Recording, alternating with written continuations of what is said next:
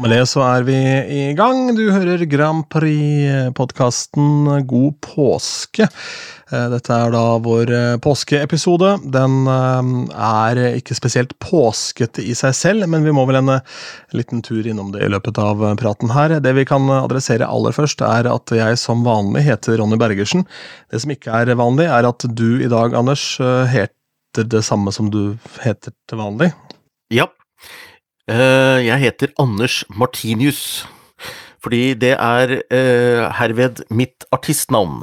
Jeg uh, har jeg, Jeg, jeg, har vært i studio i Mjøndalen og spilt inn en låt som jeg, vi fomler med å få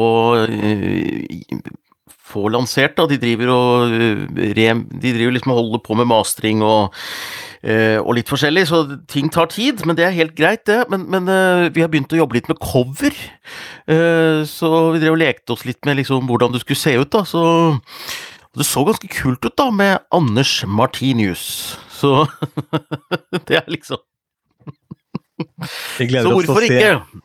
Vi gleder oss til å se hvordan dette ser veldig kult ut når det kommer fra en herremann med dine referanser, Anders. Ja, ja, det er selvfølgelig. Jeg har uh, kost meg i helga med en film som jeg lurer på hva slags seertall den oppnår. Uh, jeg var uh, sjokkert på en positiv måte over at NRK1 slo på stortromma på fredag kveld og ga oss underholdning så det virkelig holder. De viste da filmen 'Skulle det dukke opp flere lik, så er det bare å ringe'. med Arve Oppsal og Aud Schønemann. og det er en kulisse, én time og 30 minutter, og en slags mord som eh, Jeg, jeg satt og så på det, og jeg, jeg har en forkjærlighet for Helmer og Sigurdsson, men den filmen var også så kjedelig at jeg, jeg sovna. Så selv jeg måtte gi opp det, Ronny Bergersen. Jeg orka ikke. Jeg husker den filmen den filmen jeg også, ikke pga. Uh, eh, filmen, men jeg husker at den var i serien Norske klassikere, som da omsider ble gitt ut på DVD, for der fikk jeg jo da sett uh, denne herlige norske byggeklosser, som på et eller annet merkelig vis holder seg. Uh, men jeg mm. tror ikke alle andre filmer i den serien holdt seg like godt, og det var vel en av de som, som led litt under tidens tann, kanskje. Jeg tror det, men i familien min hjemme, hjemme i Hunndalen så, så, har nok denne filmen gjort inntrykk, for vi hadde alltid et sånt uttrykk hjemme i familien at når ting balla seg litt til, så sa vi alltid sånn ja ja, men skulle det dukke opp flere lik, så er det bare å ringe, gikk vi rundt og sa. Jeg tar, tar meg å bruke det uttrykket selv, jeg, uten at jeg har sett filmen, tror jeg, noen gang. Eh, og, så det har jo tydeligvis satt seg på et vis, da. Men apropos Aud Skjønnemann og Arve Oppsal, jeg har da vært en liten tur hjemme hos min far og byttet en eh, dette er løgn. Jeg har vært hjemme hos min far og kjørt en bil inn i en garasje. Og så har mm. to voksne, i form av min far og hans nabo Chris, som er ja. gammel bilmekaniker, byttet bærekule på min gamle haug av en uh, Volvo. Og mens Bærekule? De, det er rett og slett hengerfeste? Nei, det er ikke hengerfeste. Men nå er vi på akkurat samme nivå. Nei, okay. eh, bare Nei. Jeg trodde det var det kula bak, jeg. Den der kula du ja, henger ting på. Jeg, jeg er ikke helt sikker på hva det er for noe, men det er noen bærekuler, eh, noe greier i hvert fall. Et eller annet styr som ble Men det er egentlig godt tippa, det, altså, at det var dette. Men uh, jeg tror det var en bærekule det var snakk om. Jeg vet ikke, jeg har bare blitt tilsendt uh, en uh, sånn kode over hva jeg skal ha. Og så har jeg kjøpt det, betalt det, henta det, og da levert bilen og fått dette byttet ved hjelp av noe hydraulikkverktøy og noe greier, og fått streng beskjed om å holde meg i ro oppe i min fars sofa og se på TV mens dette foregår, for jeg har ingenting der å gjøre. Og Nei, det. Da glodde jeg på TV, og koste meg stort med Olsenmann og Dynamitt-Harry, som gikk i dag. Eh, og hvor ja, da ja, ja. basically halve plottet i filmen er at uh, Egon Olsen blir så satt ut av hvor vakker denne ene kvinnen er, at det går til helvete da de jobber på Ringnes-fabrikker, hele gjengen der. Og så får de jobb som vaskehjelp gjennom den samme dama, for å så da havne midt i et kupp som ikke de har utført. Mm. Og ja, det var helt nydelig. Er det den filmen hvor uh, en av åpningsscenene er at uh, Egon har fått seg en sånn ordentlig jobb. Han jobber der og står og klinker på flasken og får den der lyden, og hvis det er feil lyd, så skal flaska ja. Kasseres. Ja. ja, og så stopper hele fabrikken opp mm. når denne vakre kvinnen kommer inn. Da, da blir det jo helt baluba der. Ja, stemmer. Sånn, Nei da, men jeg, sånn jeg, jeg, jeg, har det med å se gamle filmer i påsken, jeg, for så vidt. Eh, jeg det, Og jeg må si, jeg syns Fjols til fjells gamleutgaven og for så vidt den nye også stå, står seg veldig godt. Jeg må innrømme det, altså. Um, bedre enn uh, skulle dukke opp flere lik, i hvert fall. Så ja, jeg tenker at jeg skal ikke benytte påsken min til å se den uh, filmen. Nei. Selv om den sikkert nå i, ligger i VGs, nei, i NRKs nettspiller. Skal vi gyve løs på menyen denne uken? Det er litt av hvert å ta tak i. La oss, uh, la oss ta Eurovision-stoffet først, for det er et og annet rør her. Ja. Men du har et ja, ja. poeng her, syns jeg, og det er da at eller vi kan starte med at du har vært publikum både hos adresseprogrammene og på Lindmo. La oss begynne med det. Og ble det ny eh, Ja, gratulerer med dagen som var. Ble det ny paljettjakke? Nei, det ble ikke ny paljettjakke, men det som var, er at um, verken jeg og foruroligende nok teamet som laget Lindbo Lindmo, Lindbo, det er en annen. Lindmo. Uh, både jeg og teamet som laget dette her, var usikre på når det skulle sendes. Ja. Innspillingslederen kunne ikke svare helt klart på når dette programmet kom til å bli sendt på lufta. Så, men jeg har i etterkant via litt sånn detektivvirksomhet funnet ut at dette programmet her med Alessandra og andre gjester i Lindmo sendes 14. april. Og jeg ble plassert eh, på første rad så jeg er relativt synlig hver gang Alessandra snakker, for jeg satt rett bak henne. Så jeg så henne i bakhodet. Jeg satt rett bak, så jeg kommer til å være synlig der. Eh, så der sitter jeg da i eh, Dette var jo opptak på torsdag. Og så på tirsdag så var jeg da publikum på adresse Liverpool, og der ble også plassert sånn relativt synlig på første eh, første sofabenk der. Og så er det jo sånn, da, at på fredag 14. april så sendes først adresse Liverpool. Back to back med Lindmo. hvor, du da, hvor, du da, hvor du da ser Tangen relativt synlig i to helt forskjellige programmer med to helt forskjellige klesdrakter, så dette kommer til å være fjernsynsmagi. Ja, jeg vurderer nå å bare gå inn og blokke slik at jeg kan ha natteradioen da, natt til 15., for å så gjøre et lite intervju med deg om dette med Eurovision også, slik at det virker som du bare er på NRK. Du bare vaser rundt i gangene der til enhver tid. ja, ja.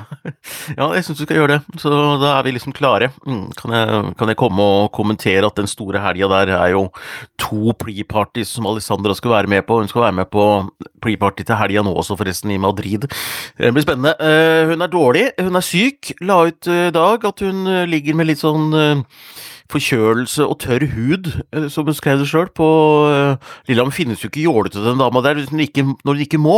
Altså, hun er så alminnelig, hun legger ut bilder av seg som forkjøla, og, uh, og så er hun den stjernen når hun kommer på Lindmo, da. Ser ut som en sånn italiensk popstjerne, fordi hun er det. Ja, nettopp. Men da har hun akkurat samme symptomer som min far, for han driver også hoster og er litt forkjøla, og har litt tørr hud.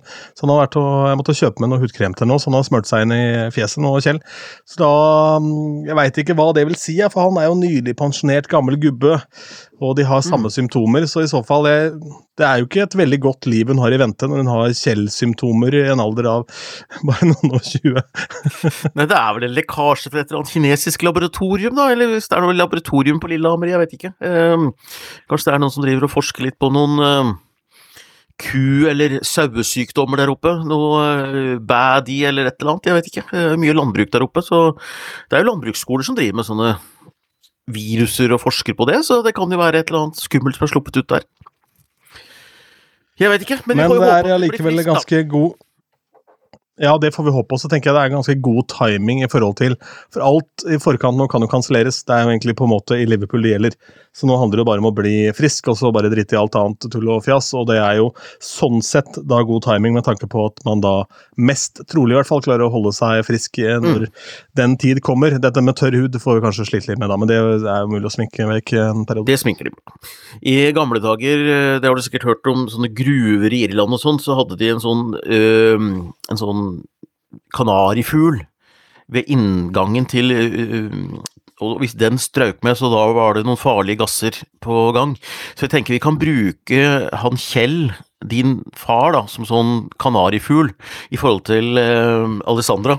Så hvis han får Hvis han begynner å få litt sånn psoriasis eller huden begynner å ramle av og sånt, så ligger han kanskje litt foran i løypa for Alessandra. Sånn at vi, vi må følge med på hvordan det går med faren din, for sånn vil det gå med Alessandra også, tror jeg. Jeg håper for guds skyld at han ligger litt foran meg i løypa, med tanke på at han her blir 68 år gammel. ja. og, så, selv om hun er italiener, eh, og da ja. kanskje burde fra hatt da rødvin inn med morsmelka, så tror jeg vel også hans rødvinsinntak er eh, hakket høyere enn Alessandras foreløpig. Uh, mistenker, mistenker, det. Og det har ja, nok også med at mistenker jeg også at det har noe med at Kjell ikke har noe å se fram imot i form av Eurovision. Han skal overhodet ikke stå på noen scene. Det han skal nå i framtida, nærmeste fremtid, det er vel strengt tatt en tur til Åmål med campingbilen sin, tror jeg. Ja. Um, nei, men det blir bra. Eh, nei, men jeg, jeg, var da på dette Lindmo-showet da, og så Alessandras nye versjon av Queen of Kings, som hun spilte sammen med sin onkel, som for så vidt er eh, eh, halvparten av et vennepar av oss eh, som satt og spilte. Eh, per Einar gjorde en fantastisk jobb der. Eh, veldig kul versjon, altså. Litt sånn swingy, eh, akustisk eh, versjon. Som gradvis bygde seg opp til litt sånn derre jazzaktig Med sånn Django Reinhardt-gitaraktig og noe kult korarrangement i bakgrunnen og sånn. Så den tror jeg blir bra, altså. Så jeg jeg eh, råkte jo på han produsenten på vei ut derfra, han som har vært med å skrive låta, så jeg tok han nå i hånden og sa god dag, god dag, jeg heter Anders Tangen. Eh, det virka ikke som det gjorde noe veldig inntrykk på han. Eh, det burde det ikke heller, men så, så jeg, jeg ble han som kom og skulle hviske han noen tips i øret. Altså, han råkte egentlig på deg? Det var det ja, som skjedde. Ja, ja, det var det som skjedde. Han, han gikk på annet og fred og ingen fare, og så ble han overrumpla av han fyren som er back to back på TV den dagen, han blokkbukker. Ja, ja. som, som, står der, og han skjønte sikkert ikke så mye, for jeg snakka fort, for jeg så han hadde det travelt, for jeg så det sto en bil på utsida med sota ruter som han skulle ut i, og jeg tenkte at å, dette er popsangerkvalitet, tenkte jeg, fordi at uh, han har sånn bil, han har leid sånn limousin og sånn, men det viser seg å være en helt vanlig bil fra Bolt, som er en sånn ny ny sånn type eh, transportbyrå. Nei, men så jeg nevnte det for at eh, på disse pre-partyene så bør de ta litt som subwoolfer og lage egne versjoner av låta til pre-partyene. Og da, for å få litt mer spilletid Låta er så kort, så for å for å liksom virkelig please crowden, da, eh, så tenker jeg at eh, de bør bruke noe av den der langsomme versjonen først, som bare drar publikum i gang med eh, klapping, for det var mye lettere å være liksom litt med på denne her slow-versjonen, og så kan de gå over til originalversjonen senere. Så han, han, lovte å ta det med seg seriøst i vurderingen. Han sa at det hadde vi ikke tenkt på, sa han. Så nå blir det spennende. Hvis han gjør det, så er det jeg som har tipsa produsenten om det på veien ut. Ja, og Hvis det eh, arbeidet med å få det til å fungere sørger for at Alessandra ikke blir frisk til Liverpool, så vet vi hvem vi skal skylde på. Ja, det er også riktig. Ja. Hvem da? Ja, men den er grei, du. men hva er det du skriver her? Eh, dette har ikke jeg fått med meg, men dette ser jeg på som en litt artig nyhet. Eh, Loreen, Loreen og Alessandra driver og camper sammen rundt om i Norge. Hva er det for noe opplegg? Nei, eh, det, det, er, eh, det, er, mye Alessandra og Lorén sammen i monitor for tida. Eh, for det første så var de sammen inne og hilste på publikum til Eller ikke sammen, tror jeg, men i hvert fall så var Lorén inne og han hilste på publikum til adresse Adresse Liverpool, og det var også Alessandra. Eh, om det var samtidig er jeg litt usikker på, men, og de eh, har bilder av seg sjøl sammen og ser ut som det er, ut som det er i Tromsø i, i Nord-Norge. Eh, på et eller annet. Og Lorén har jo vært på eh, God morgen Norge, og hun har eh, reist rundt omkring, og så står Alessandra ved siden av henne på diverse bilder. Jeg vet ikke om, om de camper sammen, men altså det er tydelig at de har fått en eller annen slags connection, da. Så det er jo kult, uh, disse to dronningene. Jeg har jo ikke sett disse bildene, jeg har jo bare lest setningen fra deg akkurat nå. Ja. Så jeg så jo for meg at de lå sammen i en soveposevariant oppå vidda en plass, når de campet sammen. I toast, gjerne? Ja. Ja. ja nei, glidende overgang inn i toastjernet der. Uh, ja, glidende overgang. Ja, nei, jeg, eh, nei da, jeg uh, camper sammen. Altså, de, de, de, har stilt opp på bilder sammen, da. Uh, på litt mystiske steder. Uh, og det er mye av det. Så nei da, la oss ikke legge for mye i det, men det er jo hyggelig at de to har funnet hverandre litt, da. Uh, så det er jo noen som har sagt at La Sasse, hun uh, franske i år uh, Jeg vet ikke, jeg får nesten lyst til å dra den vitsen til eh, da Kim Vet du hva, jeg, jeg, vet du, jeg legger inn en spoiler fra første adresse Liverpool-programmet. Kim Wilgård var liksom gjestedommer i panelet der. Eh, og Kim Wilgård var jo mannen bak Demenskoret. Ja, nettopp. Ja, og så satt han og fortalte han syntes det var mye tungt, det var mye trist rundt dette her demenskoret uh, han drev med. Datteren til en av de som var med i demenskoret og sang, satt i publikum i adresse Liverpool, så derfor så våget han å fortelle en historie som hadde fått ham til å le. Når det var på det tyngste, så hadde han bare fått en tekstmelding fra denne datteren til den ene brukeren hvor det sto sånn Hei, har du sett dem som har vunnet Frankrike? Nei, sa Kim Wilgård, hvem er det? Nei, det er ei som heter La Sass, og det er en sang dere bør ta inn i koret, for den heter Evig dement. Altså Evig dema. så, så altså, for jeg kan ikke sitte og si det, for hver gang den kommer, så sitter folk og tenker på demens. Han sa det selv. Det er mulig å klippe bort. Jeg bort, jeg vet ikke, men nå har jeg brakt det fram, da. Ja, um, vi kan jo legge inn uh, Ja, nei, vi får ikke lagt inn noen ting, men du, du sa det i hvert fall der og da. Så um, ja, spoiler fra Adresselivet. Det går vel bra, vel. Det, de må nesten regne med deg når de, det når de gidder å ha deg i publikum, tenker jeg. Altså, hallo. Jeg har ikke skrevet under noe som helst, jeg. har ikke skrevet under noe som helst. Nei, men det har jeg. Ja. Um, ja du, jeg, jeg, trodde jo et lite øyeblikk i dag eh, forresten at jeg fikk eh, da alkohol av NRK i påskegave. Det var en hyggelig eh, overraskelse som sto på, på en pult som jeg ikke benytter så veldig ofte, nede hos PN+. Men jeg fikk en mail om at den sto der i hvert fall, så var jeg innom og henta den i dag. Og det var jo da så ut som en sånn vinmonopolinnpakning, men det var et påskeegg og noe snop, da. Det var jo veldig hyggelig. Ja. Og litt betryggende, for jeg tenkte dette her kan jo bli jeg så for meg en sånn skandalesak hvor de, mm. hvor de hadde vært litt ekstra hyggelige, og så tenkte de vi skal finne noe som passer Bergersen, og kjøpt en, kanskje en litt sånn jordøl eller noe. Ja, Jegermeister, ja. ja, ja. Uh, tenkte vel ikke at det var en hel flaske med Jeger, nei, det tenkte jeg ikke. Men, men uh, Og så tenkte jeg jøss, nei, det kan jo ikke stemme, for det må jo være et helvete for NRK å få lov til å kjøpe noe vin til noen, vil jeg tro. Ja, det tror jeg sitter langt inne etter hvert. Eh, jeg tror det var vanligere før, for å si det sånn. For da, jeg tror på 70-tallet så tror jeg det var jeg, eh, jeg, jeg, tror det var mange som gikk og spurte hvor er kontoret mitt der, altså, eh, i, i halvfylla. Ja, det, det kan nok godt Men min fatter fortalte det da han en gang i tida, altså da han jobba på det drev for seg sjøl, så hadde han faste kunder, og da var det sånn formenn på de forskjellige plassene. Han drev da med transportbånd, så da var det jo veldig mye sånne eh, steder som drev med type gjenvinning, ja, ja. betongbiler ikke sant? og saltkompani som drev med salt på Sjusjøya og sånn. Og da lot fattere gå liksom sport i å vite hva de forskjellige drakk. Så han hadde alltid med en helflaske da med brennevin. så han hadde hadde hele desember så sto det sånn tre kasser med sprit bak i varebilen til fatter'n. Uh, og det hendte vel kanskje en og annen gang at det ble en eh, flaske borte fra de kassene. Ja, det ville stå. At broderen fikk skylda for det, og så henter det at ikke han skylda at den flaska var borte. Hmm. Ja, nei, det er eh, Ja, verden Jeg vet ikke om verden var bedre før, jeg tror det var mer sånne historier før. Altså, eh, på 90-tallet så skal visstnok en eh, jeg skal ikke nevne navn, men Eller jeg kan nevne ett et navn, da, men altså én programleder eh, for et ungdomsprogram sammen med popsanger. Eh, og det var, ikke noe, det var ikke noe at de hadde hatt seg eller noe sånt, men det var fulle begge to som eh, ramla ut av et klesskap på en mandag morgen eh, sammen. ja da. Det, det, er jo sånt som er litt gøy. Mm. Sånt, eh, sånt, eh, skjer, og det har sikkert skjedd i mange redaksjoner, det. Bare så det er sagt. Skal vi se um, Det bringer oss vel da egentlig til toaststjerne til Lorén. Og hvis det er sånn da at du nå Hvis vi kan uh, hvis vi kan lese noe ut av eh, løpet som Alessandra har hva sykdom angår, parallelt med min fars sykdomsløp, så kan vi i hvert fall eh, da lese noe ut av at vi forrige uke snakket om at tåstjernet til Lorén kunne gå til helvete, og så har de gjort det.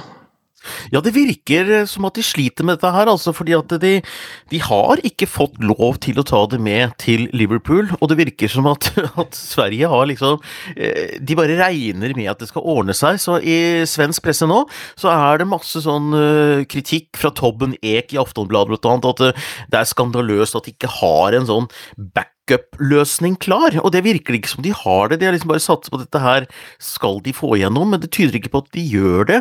Uh, og da når det var 1. april, da, uh, så var det, nå vet jeg ikke hvilket medium det var, men de hadde slått opp at uh, slik blir Lorens nye show. Det var riktignok dratt altfor langt, men da, da sto hun og vifta med et norsk flagg, blant annet, og hadde tatt liksom limt seg litt opp mot det norske bidraget, da, for liksom å flyte litt på ja, Eh, og det er jo hyggelig at de bruker Norge i en sånn aprilspøk, men, eh, men, det viser jo da at siden det blir aprilspøken, så er det jo noe som er top of mind borti Sverige nå, og jeg kjenner at det det irriterer meg litt, og så blander det seg litt med sånn Jeg gosser meg litt også, fordi at Sverige har jeg nevnte det sist også, de har alltid med seg noe rart på scenen, og de får det alltid som de vil. Men eh, det er en sånn 50 sekunders slott som er lagt opp til. Du må du må kunne gjøre scenen klar på 50 sekunder. Og hvis alle skal drive og skli på det, og du må legge inn pauser foran hvert nummer for at du skal rigge opp et toastjern, så sprekker jo sendinga da, ikke sant. Så det er jo eh, Nei, det blir spennende å se han, da. Ja, for det er jo hele showet også. Det er på en måte det som er greia. Det er jo det som er centerpiecen i det de holder på med. Ja, og så er det for um, tungt. Det er rett og slett for tungt for den scenen der borte. Um, så eh, det er 1,8 tonn som veier den der øvre skjermen. Det veier 1,8 tonn, den kladeisen som er ja. Ja, kommer hun, til, hun kommer jo til å bli knust. Ja, jeg, jeg, har litt dårlig samvittighet at jeg sa sist at jeg håper det skjer noe. Altså, Jeg vil jo ikke at hun skal bli skadd, men det er så gøy når det skjer gærne ting. Men jeg ser jo det at eh, hvis hun får 1,8 tonn over seg, så er det ikke så veldig gøy lenger, da. Nei, eh, det blir ikke så veldig gøy TV-uttale heller, men eh, det, jeg skjønner jo det at dette her er noe de ikke yeah. aksepterer, fordi sikkert Jo da, jo da, men uh, kommer på hva slags TV du liker. Det kan jo hende at Påskekrim kan hende ditt elskede Eurovision aldri blir sendt igjen, Tangen, hvis det skulle forekomme. Så ikke håpe på det. Men, eh, men, jeg skjønner jo da at uh, britene overhodet ikke ønsker å ha med dette, fordi her er jo da naturlige årsaker en sikkerhets, uh, et sikkerhetsaspekt inn i bildet, som det er vanskelig å overholde på 90 sekunder, vil jeg tro. Ja, det er akkurat det, og det er i Melodifestivalen så kan de bygge mye rundt Lorraine, altså hun er storfavoritt og alt dette her, men du kan liksom ikke uh, sette EBU i den situasjonen, selv om uh, krimforfatteren Martin Østerdal er uh, eh, EBU-sjef for tida. så, ja.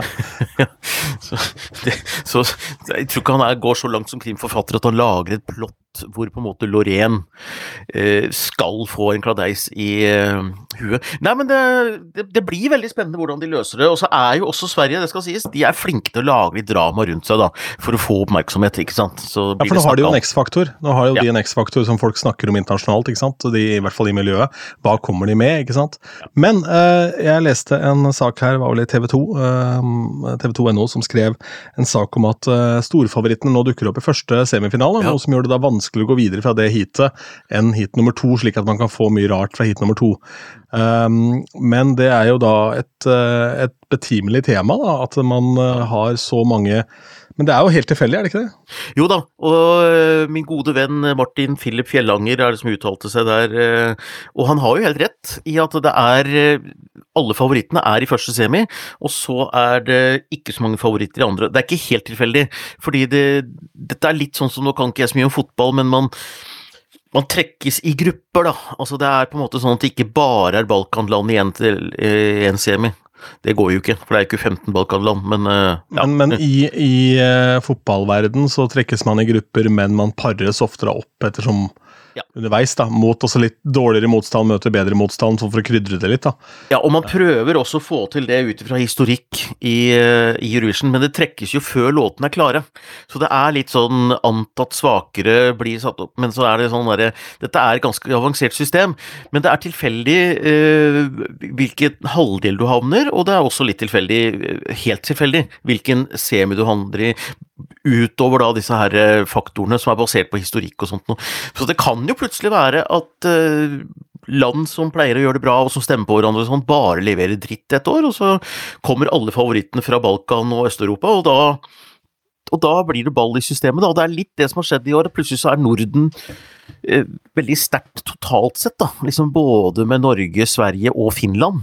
Og delvis Island også, faktisk. Også Danmark sliter litt, da. Men eh, det, er ikke, det, er ikke, ting du vet når du trekker det. Så alternativet, da, hvis du skal gjøre noe med dette, og jeg skjønner eh, Martins eh, liksom kritikk mot det, men, men, da må jo produsenten sitte og bestemme også rekkefølgen i semiene, da, og det blir jo helt håpløst at de skal sitte og si nei, du er så dårlig at vi har bruk for det i første semi, sånn at vi er sikre på at Sverige går videre. Altså, det blir litt ja, rart, det. blir galt uansett, da, på en måte. Ja. Jo, du kan jo aldri vinne den, den fighten her. Nei.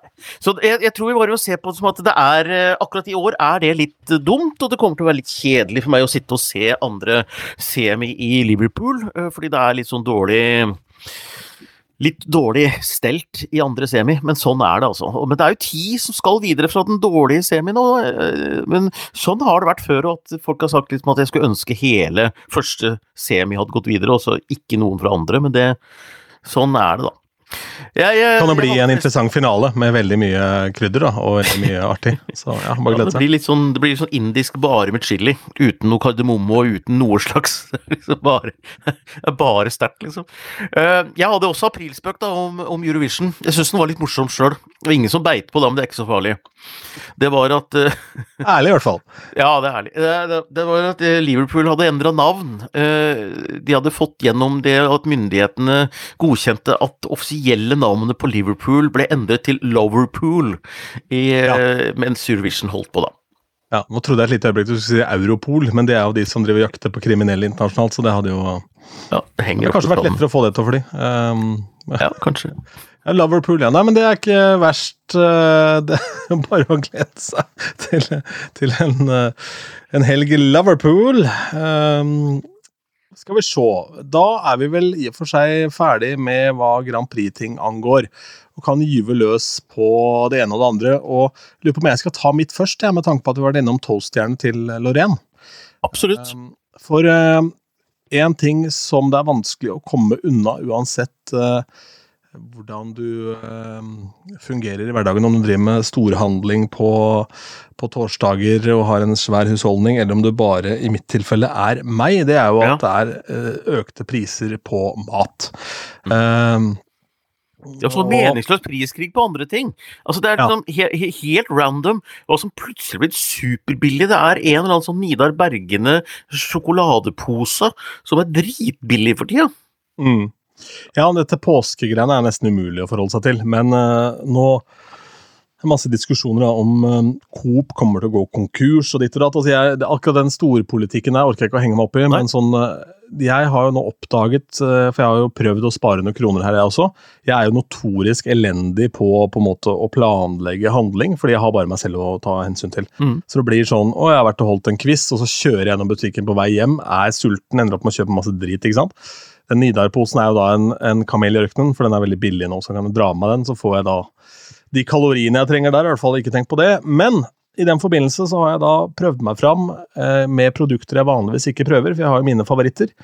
Og så har jeg kommet fram til et par ting det er helt umulig å gå på akkord på. Så uansett hva Jarlsbergost kommer til å koste, mm. så vil ikke jeg bytte bort Jarlsbergost. Oh, da har jeg prøvd meg på forskjellige varianter her. Uh, og jeg har altså lidd meg gjennom to kilo med Norvegia nei, nei, fordi det var på tilbud. Du må ikke, nei, du må ikke si det engang. Det, det er jo da er det bedre å kjøpe en pakke med smør, da, og så sette den i ordentlig kaldt, så, så skjærer du skiver av den. Smaker mer det. Ja, det gjør det. Og er like fett. Ja, nå skulle jeg bruke det på toast, da, i jernet ja, ja.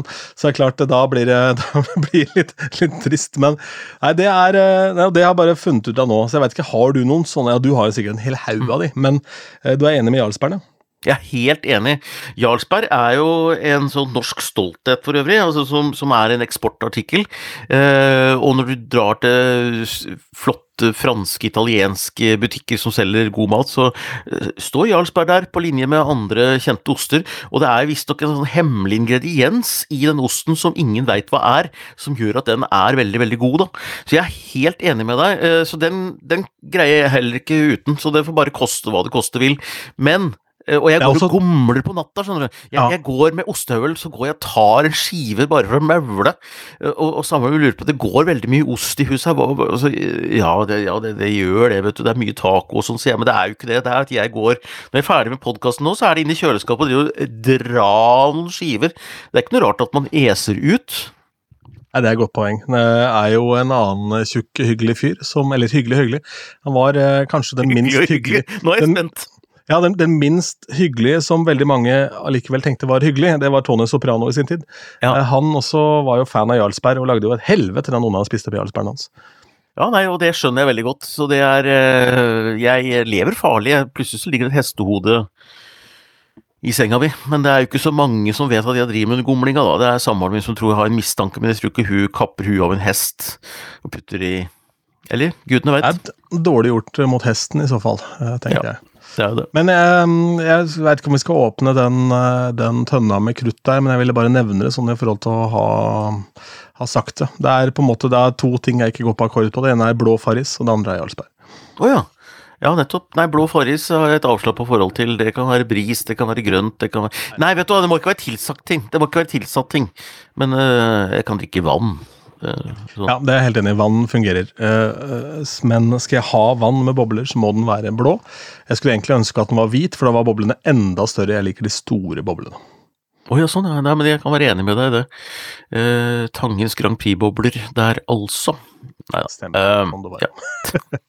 Skal vi se. Eh, barneverden er egentlig klink lik politikkens verden, har du skrevet her uh, til meg på forhånd. Det Ja. har jeg sutta litt på de siste tre-fire timene siden du skrev det, og tenkt Ja. ja, eh, er det standup, dette? Nei, det er kanskje litt standup, jeg vet ikke, men det er et eller annet med eh, Den kule statsministeren i Finland tapte jo valget nå, som var dansende statsminister og er så kul. Men hun tapte valget, da, liksom brakte dem gjennom med de laveste tallene under pandemien, og er, alt har egentlig gått veldig bra, da. Hun blir ikke gjenvalgt, vet du. Erna Solberg, eh, som le- leda oss gjennom eh, pandemien og sånt, nå er hun populær, men hun vant ikke valget. Nei, nei, hun skal vi kaste. Eh, og Raymond Johansen snakka om dette her i en podkast her, fordi at eh, 70 av Oslos befolkning syns at Oslo går i riktig retning. Da kan vi diskutere det, det er ikke det som er poenget, men han sier det. Men som han sa men det er ingen som takker politikere for å si nei, vi stemmer på han for han har fått til noe veldig bra. De stemmer, de stemmer bare på det som skal komme, og akkurat sånn er barn. Jeg, jeg, vet du, jeg, jeg, jeg, er kjempeglad i datteren min på åtte år, hun er verdens nydeligste jente, men det er så irriterende, for når du har gitt henne en opplevelse, så sitter bare geipen ned på haka etterpå, fordi det ikke varte enda lenger, og fordi det er slutt, og fordi at hun vil tilbake dit dagen etter. Hvis du har vært på en kinoforestilling, så er det ikke snakk om å sutte på et minne og takk, pappa, for at du tok meg med på det. Nei, da har du åpnet et slags univers på at du må på kino hver dag, og har du gitt henne to marshmallow å grille, så skal hun ha fire neste gang. Eh, og det er ikke bra nok Det, det, det er ikke snakk om 'tusen takk for at du ga det til meg', for da har du åpnet noe, så du må holde det stramt hele tida, og det er det politikere også må gjøre av og til. De må liksom stramme inn, da. Så det, det er egentlig veldig mye paralleller der, og det er like irriterende begge deler. Du får aldri takk, eh, eller takknemlighet. eh, Det er bare krav, krav, krav. Mer, mer, mer. Og det Så unger, altså. Mm. Jeg forstår. Det er, eh, det er rett og slett Ja, det var, man skulle åpne den krana, ja. Riktig. Ja, jeg skulle åpne. Men det er vel målet Altså målet som foreldre, nå har ikke jeg barn, men målet Nei. som foreldre må jo kunne være å prøve å lære barna sine da det å være takknemlig for de små tingene, da. Ja, det er det. Hvis man klarer å eh, på en måte så det frøet Jeg hadde et, eh, jeg vet ikke om jeg fortalte det sist, men jeg hadde et helt fantastisk øyeblikk med min niese. For eh, Malin blir 19 i år. Satt på med meg i min bil fra, fra Askim til Lillestrøm her for en ukes tid siden. Og så eh, hører jeg på podkast. veldig nerdete podkastting stort sett. Enten det, eller så er det bare blod og gørr og faenskap. Uh, Hørte det du det i høyttaler i bilen, sånn at hun er nødt til å høre på den samme Nei, men det var derfor så hørte jeg ikke på noen ting. ikke sant? Eh, Fordi Nei, og så var det jo veldig stille, og så sier Malin hører du aldri på musikk, liksom? Så sier jeg jo, jeg hører på musikk hele tiden. Ja, For hun var jo redd at jeg da ikke hørte på musikk på privaten fordi jeg jobba med det. Eller hun var ikke redd for det. Og så sier jeg men jeg har en sånn, jeg har en sånn minijack-variant der, så du kan koble på og greier. Og Den første sangen hun spiller for meg, er da en japansk låt, et klassisk verk, som jeg da ikke hadde noe veldig stort forhold til, men som var en fin greie. Men sang Ja. nummer to er da en låt av The Zombies som heter Time of the Season, en gammel 60-tallsband. Ja. Jævlig bra låt, og det var altså så deilig. Jeg måtte bare parkere i en busslomme og spørre niesen min hvor i helvete har du fått et forhold til denne låta herfra? Fordi Ja. det er ikke noe hun har lært av faren min, det er ikke noe hun har lært av sin far, for han har ikke noe forhold til zombies. Jeg kjente på en måte Jeg trodde jeg kjente alle som kunne da gi henne input hva musikk angår, og det gjorde jeg. Ja. For uh, Malin er en sånn kunstnersjel, så hun eh, går på en interiørskole, og så har hun da møtt folk på den skolen som har gitt en input i form av forskjellig musikk. Så da kunne jeg begynne å spille en del sekstitallslåter uh, for henne, som jeg syntes var kule. Og så endte det da opp med at jeg skal lage en spilleliste til henne. Eh, Nå, med på en måte litt krydder, da. Ikke nødvendigvis bare Nei, nei. bare I'm a Believer med Monkeys, men også Randy Scows Git, liksom, som er den kule låta, Ja, ja. eh, og så videre og så videre. Og det er jo et sånt øyeblikk jeg har gått og venta på, fordi Mm. hadde jeg prøvd å pushe på mine nieser musikk, så hadde jeg blitt han gamle klovnen som pusha på de musikk. Det går ikke. Når de gir meg lillefingeren, så kan jeg på en måte da vise de retning av noe. Og det blir litt sånn som Jeg glemmer aldri at jeg lærte Malin å, å knyte skoa sine, ikke sant. Det er ikke sant. Eh, så nei, det, så man har jo en, eh, en jobb der, da. Og jeg, eh, jeg skal nå finne sånn, en konsert eh, hvor jeg kan ta med da Malin på konsert. da. Men så er det også det at eh, da bør helst den være bra. Ja. Alle de gamle gode fra 60-tallet som fremdeles er i full vigør. Men eh, Ja, men du, det er kjempegøy, og det er Jeg, jeg har det jo litt sånn med Marie også, jeg har aldri pusha noe Eurovision, men hun eh, snapper det jo litt opp, da. Hun bor jo i samme hus som meg, liksom. Så hun snapper litt opp. Og plutselig så hadde hun oppdaget Lena, som vant i Norge i 2010 med Satellite. Ja, Eh, riktig. Den tyske. ja. Mhm. Ja, og det er jo nesten som din niese tilbake til 60-tallet, altså for det, det er jo like gammelt for Marie, nesten, da. Det er ikke helt, da, men eh, jo, jo, det er, skjønner men det blir gammelt, da. ikke sant? Og, og, og dette har hun bare oppdaget helt, og så har jeg ikke villet vise henne Lena, for hun har sitt bilde av hvem Lena er inni hodet. da. Hun har virkelig blitt sånn Lena-fan, da. Så jeg skal vise henne det på et eller annet tidspunkt, men uh, hun har liksom danna seg en veldig sånn forestilling, så jeg tenker at uh, man skal ta sånne gylne øyeblikk, da, på, hvor man plutselig har noe til felles. Ikke sant? Det er det som er poenget. Altså, poenget er at eh, hun må, er, eh, hun må like all annen musikk enn meg, for all del, men da har du en connection, da. Ikke sant? Det er veldig fint. Og ja, det med disse Det det handler om, da, som du egentlig er ute etter Yep. Dette sa en ekskjæreste av meg veldig godt. også Det handler om å fange hverdagsøyeblikk med gullkant. Ja, det er godt sagt. Ja, og hvis man da klarer å lære opp da eh, Det er jo, ikke, det er jo noe man må oppdage selv også, da. Det Gleden av de små tingene i livet. Det tok jo meg lang tid før jeg skjønte det også. uh, og jeg veit ikke, det er vel ikke mulig å lære bort heller, men man må i hvert fall peke i riktig retning, da. Ellers så må jeg bare avslutte med her, fordi at uh, i dag, det er jo tirsdag når dette her sendes, så er det jo Trump-show igjen, da. Eh, Trump skal kanskje arresteres i New York, og jeg må jo fortelle da jeg var i Trump Tower i, i, i 2013. Eh, jeg måtte jo selvfølgelig innom Trump Towers, og vet du? Det var veldig koselig. Ok. Hva gjorde du der? Nei, det er jo Det er jo bare å gå inn der. Altså, det er jo Trump Tower er på en måte I første etasje så er det en bar, det er en restaurant og litt sånn. Så jeg gikk opp til en sånn derre Og inn til høyre Altså Du går inn trappa Dette er rett over gata for eh, FM-bygningen, ikke sant? Ja, nesten. Det er i hvert fall i Ja. Mm. nærheten, så vidt jeg husker. Så du kommer liksom uh, inn i Trump Towers, og så er det en trapp opp til høyre, og der er det en bar som er eh, kan minne litt om en sånn Oslo, litt sånn gammel pub, på en måte, en bar, da. Verdens koseligste folk som satt der med veskehunden sin på armen og lagde gode drinker, og god stemning der, altså. Og så var det den der rulletrappa opp, dette var jo før Trump ble president og sånn, i 2013. Jeg lurte litt på det store fossefall og alt sånt, da, men det var, men det var genuint veldig koselig i første etasje på eh, Trump Towers, da. Eh, og jeg gikk derfra til Carnegie Hall, husker jeg, for jeg ville bare oppleve det. Kjøpte bare billett til det som var den kvelden, og da var det et eller annet sånn 60-års jubileum for en eller annen komponist som jeg egentlig ikke husker navnet på, men han hadde ene hitlåten etter den andre. Vi hadde, hvis jeg hadde huska navnet, så hadde du huska låtene. Men uh, jeg husker ikke det faktisk akkurat nå, men i hvert fall så var det veldig En, en låtskriver som har skrevet mye hitlåter? Ja, Burt Backrack eller noe sånt? Ja, ja, litt sånn Burt Backrack-aktig type. Og det var stort orkester og masse gjesteartister og sånn inne i Carnegie Hall, da. Uh, så det var uh, Nei, jeg, jeg Trump eller ikke Trump, eller opprør i gatene og håndjern eller ikke håndjern. Altså, han skal ha det. Det var en koselig bar i første etasje der. Noe mer, å, noe mer eh, prisverdig har jeg ikke å si om Trump, men akkurat det var koselig. Gjennomsyra skrukk som type, men har en koselig bar i, navn, i bygningen som bærer hans navn på Manhattan. Ja, men den er greit, Hagen. Skal vi si det er greit her, da? Ja! Det holder ja. Du, Da sier vi god påske. Før vi legger på røret her helt, så tenkte jeg du kunne minne våre, nei, lytterne våre igjen på eh, hvilken dag du eh, okkuperer TV-ruta på NRK. Ja, nei, altså det er jo fredag 14., da, hvor det, hvor det er eh, Tangen som publikummer. Back to back. Jeg kommer aldri opp i panelet, men jeg sitter i publikum. Ja. Da er det NRKs Tangenboble som går av stabelen der noen timer. Da er det ikke gullreka, men Tangenreka. Nei, jeg tror vi lar den ligge med det, og så får du ha en fortsatt fin påske hvis du hører dette på tirsdagen. Og takk for oss. Hei!